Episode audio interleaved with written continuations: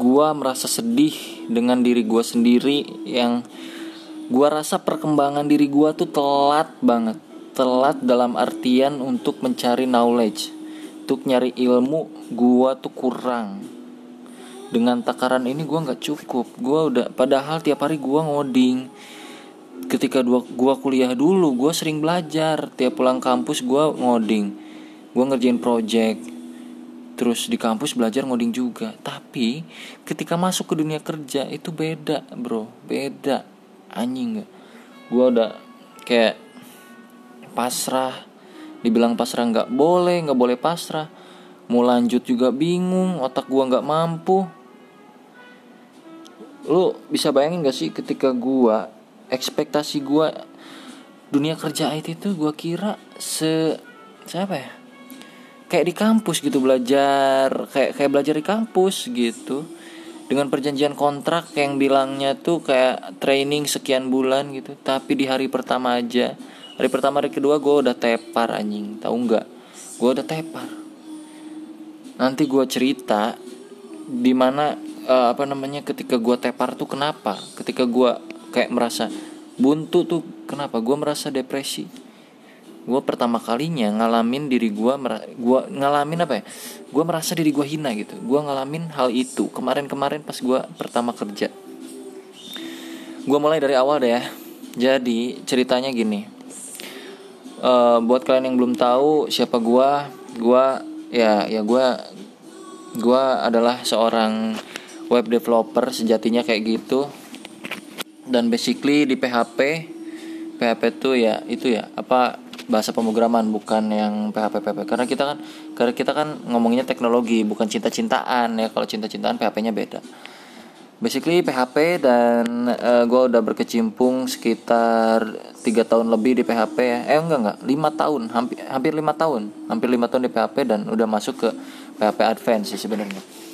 Uh, cuman di kala kuliah itu pas gue kuliah ternyata PHP dipakai di kampus dipakai di materi kampus itu PHP pakai framework YI 2 ya.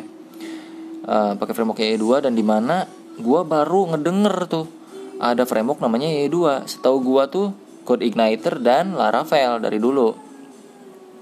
Nah di kampus belajar YI 2 YI 2 dan terus gua baca-baca kan sebelum materi mulai itu beberapa minggu sebelumnya gue udah kan orangnya gue penasaran. Terus gue searching searching tentang YI 2 kayak gimana gue lihat di dokumentasinya. Dan selalu ketika gue menilai sebuah framework gue lihat dari website website framework itu, framework itu sendiri. Lu bayangin ya YI 2 lu buka deh YI 2 website officialnya. Lu lihat itu tampilannya aja kayak begituan. Nah ekspektasi gue ya udah kan nggak mungkin sejauh mana gitu tampilan atau UI-nya atau sistemnya kayak gimana ya kayak gitu-gitu juga pas gue baca dokumentasi. Ternyata keunggulan si AI2 ini ya katanya katanya adalah fase development yang cepat terus didukung juga dengan fitur-fitur kayak CRUD generator lah migration yang gitu-gitu ya. Nah mungkin kalian ada yang familiar juga dengan YI2 Teman-teman pendengar setia Web ID tapi masih waktu itu masih didominasi sama pengguna CI dulu pas zaman gua kuliah 2015 teman-teman gua teman-teman rumah gua pada pakai CI terus uh, teman lama gua juga pakai CI nah pas ke kampus gua pakai I2 dan gua ya pasti otomatis nge-compare dong. Compare kayak hmm, ini ini YI worth it gak sih? gitu di tahun ini. Ternyata pas gue lihat di, di websitenya itu udah kayak ketinggalan zaman gitu loh update nya terakhir tahun berapa gitu gue lupa. Pokoknya itu udah ketinggalan zaman dan kayaknya nggak nggak ini deh. Nggak nggak worth it dan dan tidak relevan dengan kurang kurang lah. Kurang relevan dengan rekrutmen perusahaan. Sedangkan CI di tahun 2015 tuh masih banyak yang cari. Laravel apalagi gitu. Ya udahlah dari situ gue gua apa coba belajar terus gue pahami konsepnya seperti biasa. Uh, intinya gue kalau kalau kalau ada bahasa baru gue nggak pelajarin coding codingannya kayak gimana. Gue tapi lebih ke konsep itu kayak gimana sih? MVC-nya kayak mana OOP-nya kayak mana alurnya tuh ke mana aja lemparan datanya lewat mana aja terus keunggulannya kelemahannya yang nggak boleh yang dan yang boleh itu yang kayak gimana gitu. Nah pas gue paham terus kalinya gue ngoding ya lancar-lancar aja kan kayak gitu. Nah akhirnya gue bisa lah YI 2 ini gue bisa uh, dan dan apa ya lanjut di semester sekian sekian lagi gue ternyata di kampus ada opsi pilihan pakai CI atau pakai Laravel dan gue memutuskan untuk menggunakan JavaScript kala itu ya. Nah banyak teman-teman gue yang nanya wih kok pakai JavaScript pakai JavaScript? Sebenarnya bukan alasan keren-kerenan enggak. Tapi banyak yang berprasangka ya.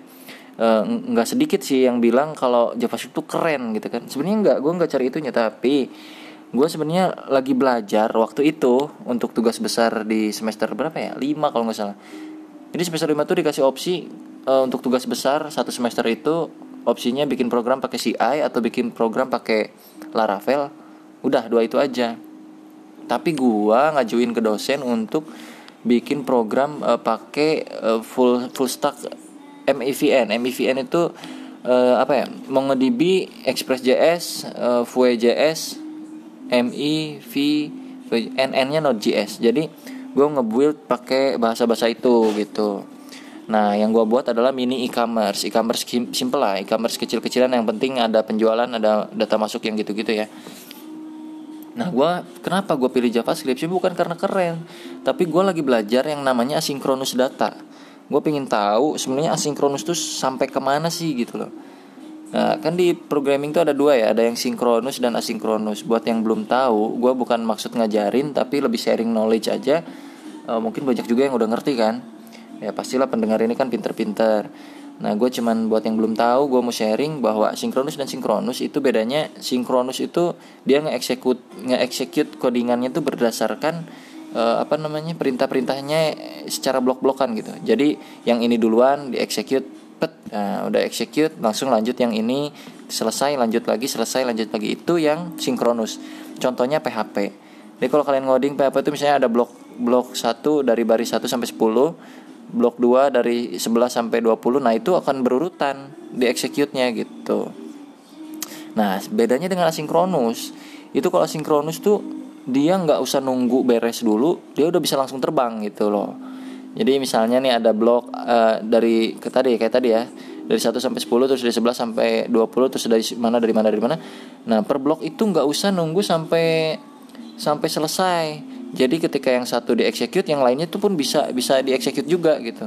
Nggak usah nunggu yang ini selesai dulu. Jadi datanya lebih cepat nah itu perumpamaannya kayak gitu. Nah yang gua tangkep dulu kan berarti asinkronus tuh sebelum sebelum finish sudah bisa dieksekut yang lain gitu progresnya. Jadi kayak antrian gitulah. Jadi ngantrinya lebih cepet gitu daripada aduh ngantri lebih cepet gimana ya? Ya ibarat ibarat gini ya uh, gini deh kita kasih perumpamaan. Sinkronus dan asinkronus ya. Kalau uh, taruhlah ada bola. Ada bola ada 10 bola ada 10 bola ya. 10 bola ngebaris gitu. Terus ada satu gawang. Satu gawang. Kalau sinkronus itu e, bo, 10 bola itu kan ceritanya nih tugasnya tuh 10 bola harus masuk ke gawang secepat-cepatnya. Kalau sinkronus itu bola satu tendang masuk udah. Bola dua tendang masuk. Setelah masuk bola tiga. Setelah masuk bola tiga bola empat. Setelah masuk bola empat bola lima. Terus sampai ke sepuluh kayak gitu. Kalau asinkronus sebelum bola satu masuk juga yang dua yang tiga yang empat ini udah bisa digas juga gitu. Bisa ditendang juga. Nah kan penasaran kan gua gua langsung pikir lah kok bisa kayak gitu? Ya kenapa nggak kita coba? Kita coba buktikan. Bener gak sih kayak gitu? Nah pas gua e, tugas itu gua ngajuin ngajuin JavaScript sebenarnya karena itu karena itu. Bukan karena keren bukan karena gaya-gayaan pengen nilai bagus enggak. Melepas penasaran gue sekaligus gue belajar. Nah karena gue suka tantangan dan gue penasaran ama si asinkronus itu itu sebenarnya jawabannya bukan yang aneh-aneh jawabannya. Jadi kalau bilang waduh si si ya gue sebutlah nama gue samaran ya ceritanya. Sebutlah which uh, ID misalnya. Wah si web Smitek ID gila pakai JavaScript bro bro gila gila gila. Oh dia nilainya pengen bagus. Enggak gue nggak nyari itu. Gue pengen ngebuktiin bahwa asinkronus itu bener gak sih? Datanya tuh bisa kelempar duluan sebelum masuk gitu. Dan ternyata iya. Iya terbukti. Emang lebih kenceng anjing gila. Gila emang gila. JavaScript emang gila. Nah dari situ gue belajar JavaScript lebih dalam lagi lebih seru lagi lebih kayak utannya udah mulai keliat udah mulai rimba nih JavaScript. Gue pelajari lah Node.js dan uh, Express.js juga Vue sebagai front endnya dan databasenya gue pakai MongoDB gue pelajari itu udah gue udah lancar fuck ketika gue kerja itu semua hilang dibakar. Karena nggak kepake men. Nggak kepake nggak kepake nggak kepake. Jadi uh, kita terus sebenarnya apa ya sebagai developer gue merasa sedih karena uh, gue menangis untuk diri gue yang harus belajar apa harus nguasain yang mana core-nya tuh gue harus di mana. Anjing gue aja sampai kayak mikir anjing ini gue tuh harus harus ngapain sih? Gitu. Pas di kampus gue belajar ini di rumah gue belajar ini proyekan gue pakai bahasa ini. Pas kerja beda lagi anjing gue tuh harus yang mana? Manusia super hah. Lu kata si dede dede manusia super. Enggak lah. Jadi saran gue buat kalian yang masih kuliah kalian sasar tuh sasar perusahaannya mau yang mana. Sekalian pelajari apa yang requirement mereka minta.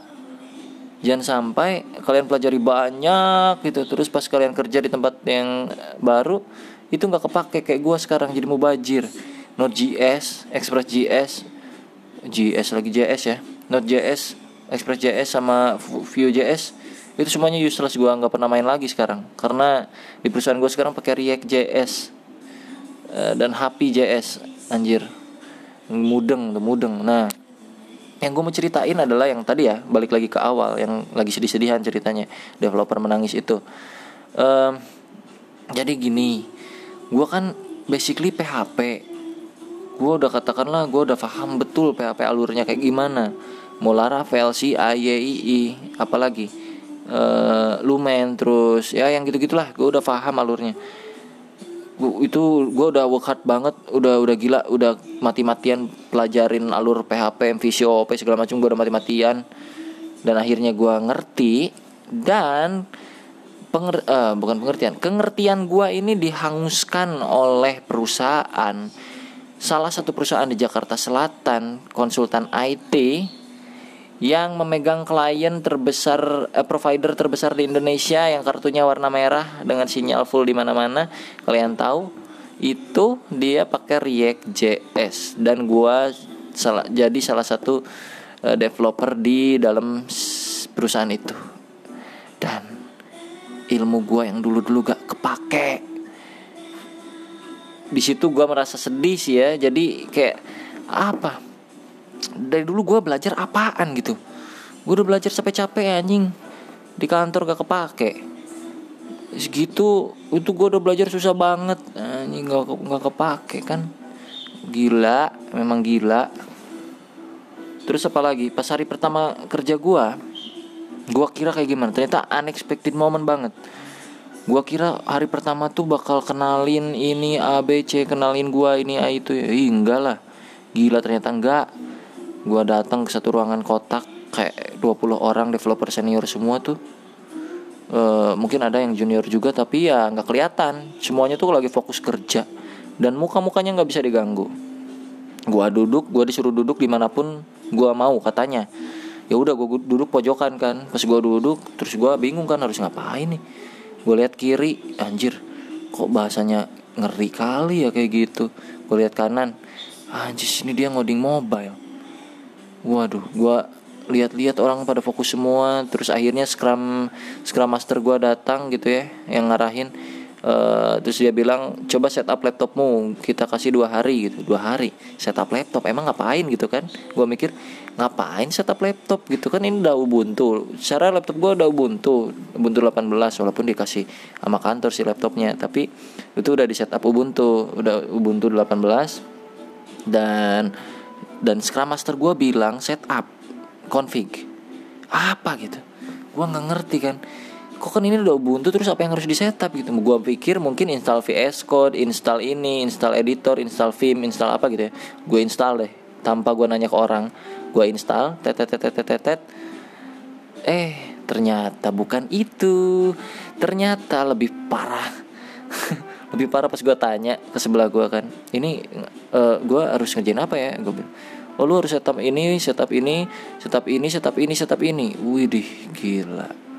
Sulit banget kedengerannya gue asing banget gitu.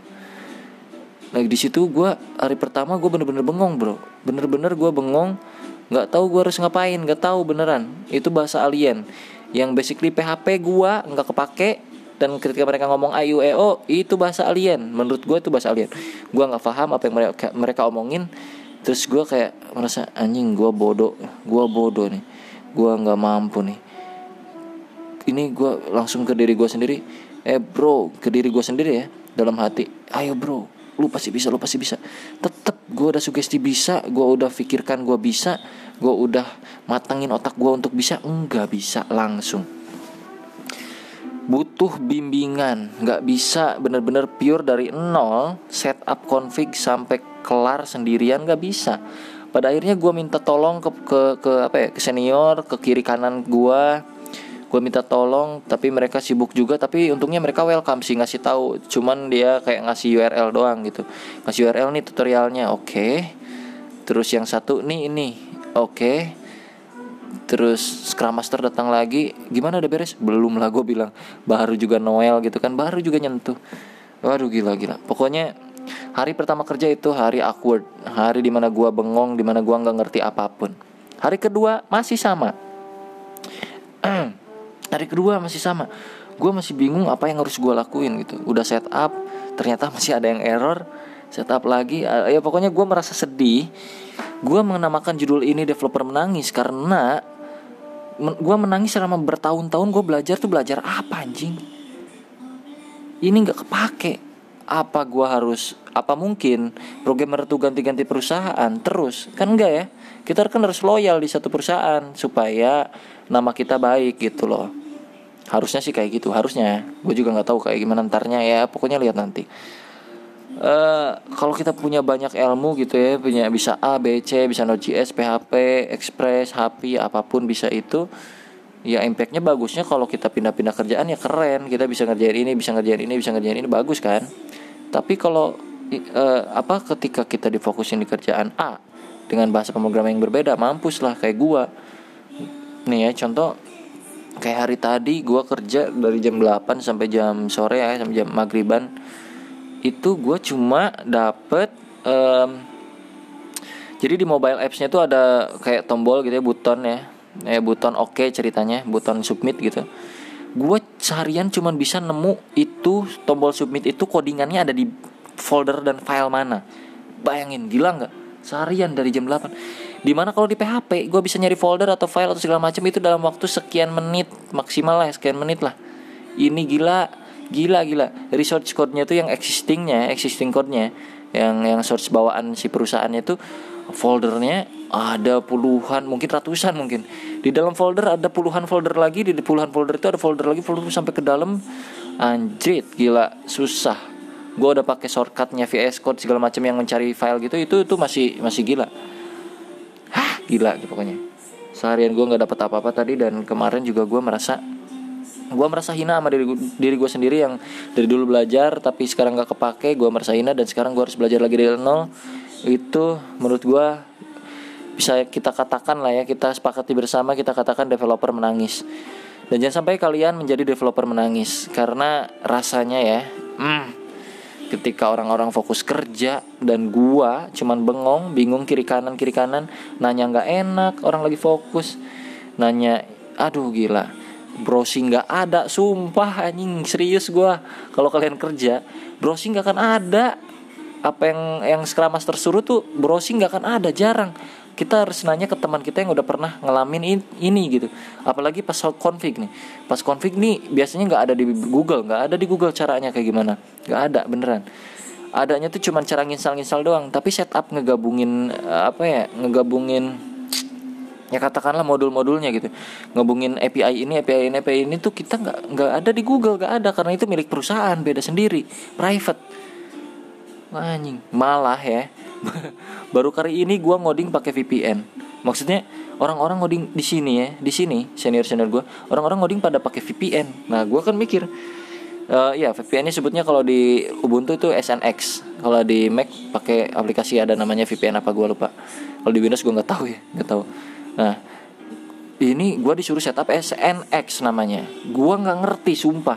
Di PHP nggak ada yang namanya gituan kan. SNX gue browsing SNX semacam VPN bla bla bla. Ngapain ya? Kok ngoding harus Ternyata ada alasan, ada beberapa alasan private gitu. Ketika programmer ngodingnya itu harus ya harus dalam kondisi private gitu, harus dalam jaringan yang secure mungkin kayak gitu gue juga sebenarnya sampai saat ini masih belum mudeng sih si SNX ini gimana tapi ya seenggaknya gue ngerti lah alurnya dan gue udah pakai sekarang cuman gue nggak masalahin SNX nya gue langsung belajar alur dari nol di codingan yang udah ada gitu. Ah pokoknya gila lah. Nggak kebayang. Unexpected moment banget ketika gue sebelum kerja gue mikir oh kerja tuh mungkin kayak gini karena gue di PHP kayak gini ya. Proyekan juga gue kayak gini proyekan dari klien A klien B kayak gini. C itu gue cuman gini aja gini gini gini. Anjing pas kerja ini kayak titik balik kehidupan tau gak sih? Ya tapi bukan ke arah yang sukses juga sebenarnya titik balik kehidupan ini kan ada dua ya ada yang sukses ada yang jatuh gitu. Nah mungkin gue antara antara bisa ke sukses bisa ke jatuh. Ini nih ini jalur yang perlu gue pilih. Kalau gue ingin titik balik ini jadi sukses ya gue harus belajar dari nol dan gue harus cepet. Harus cepet. Tapi ketika gue nggak bisa dan gue nggak mampu gue limit ya gue titik baliknya ke jatuh. Apa yang gue pelajari dari dulu ludes apa yang gue sekarang kerjain ludes akhirnya gue bener-bener totally dari nol. Semuanya. Gue harus pelajarin yang mana lagi gue nggak kerja gue ini anjing. Capek kan jadi developer. Itu yang gue sebut developer menangis. Jadi buat kalian teman-teman kalian udah merasakan belum? Ja, gimana itu uh, rasanya pak rasa pahitnya ketika kalian belajar codingan A terus pas ternyata di kampus atau di mana implementasinya codingan B.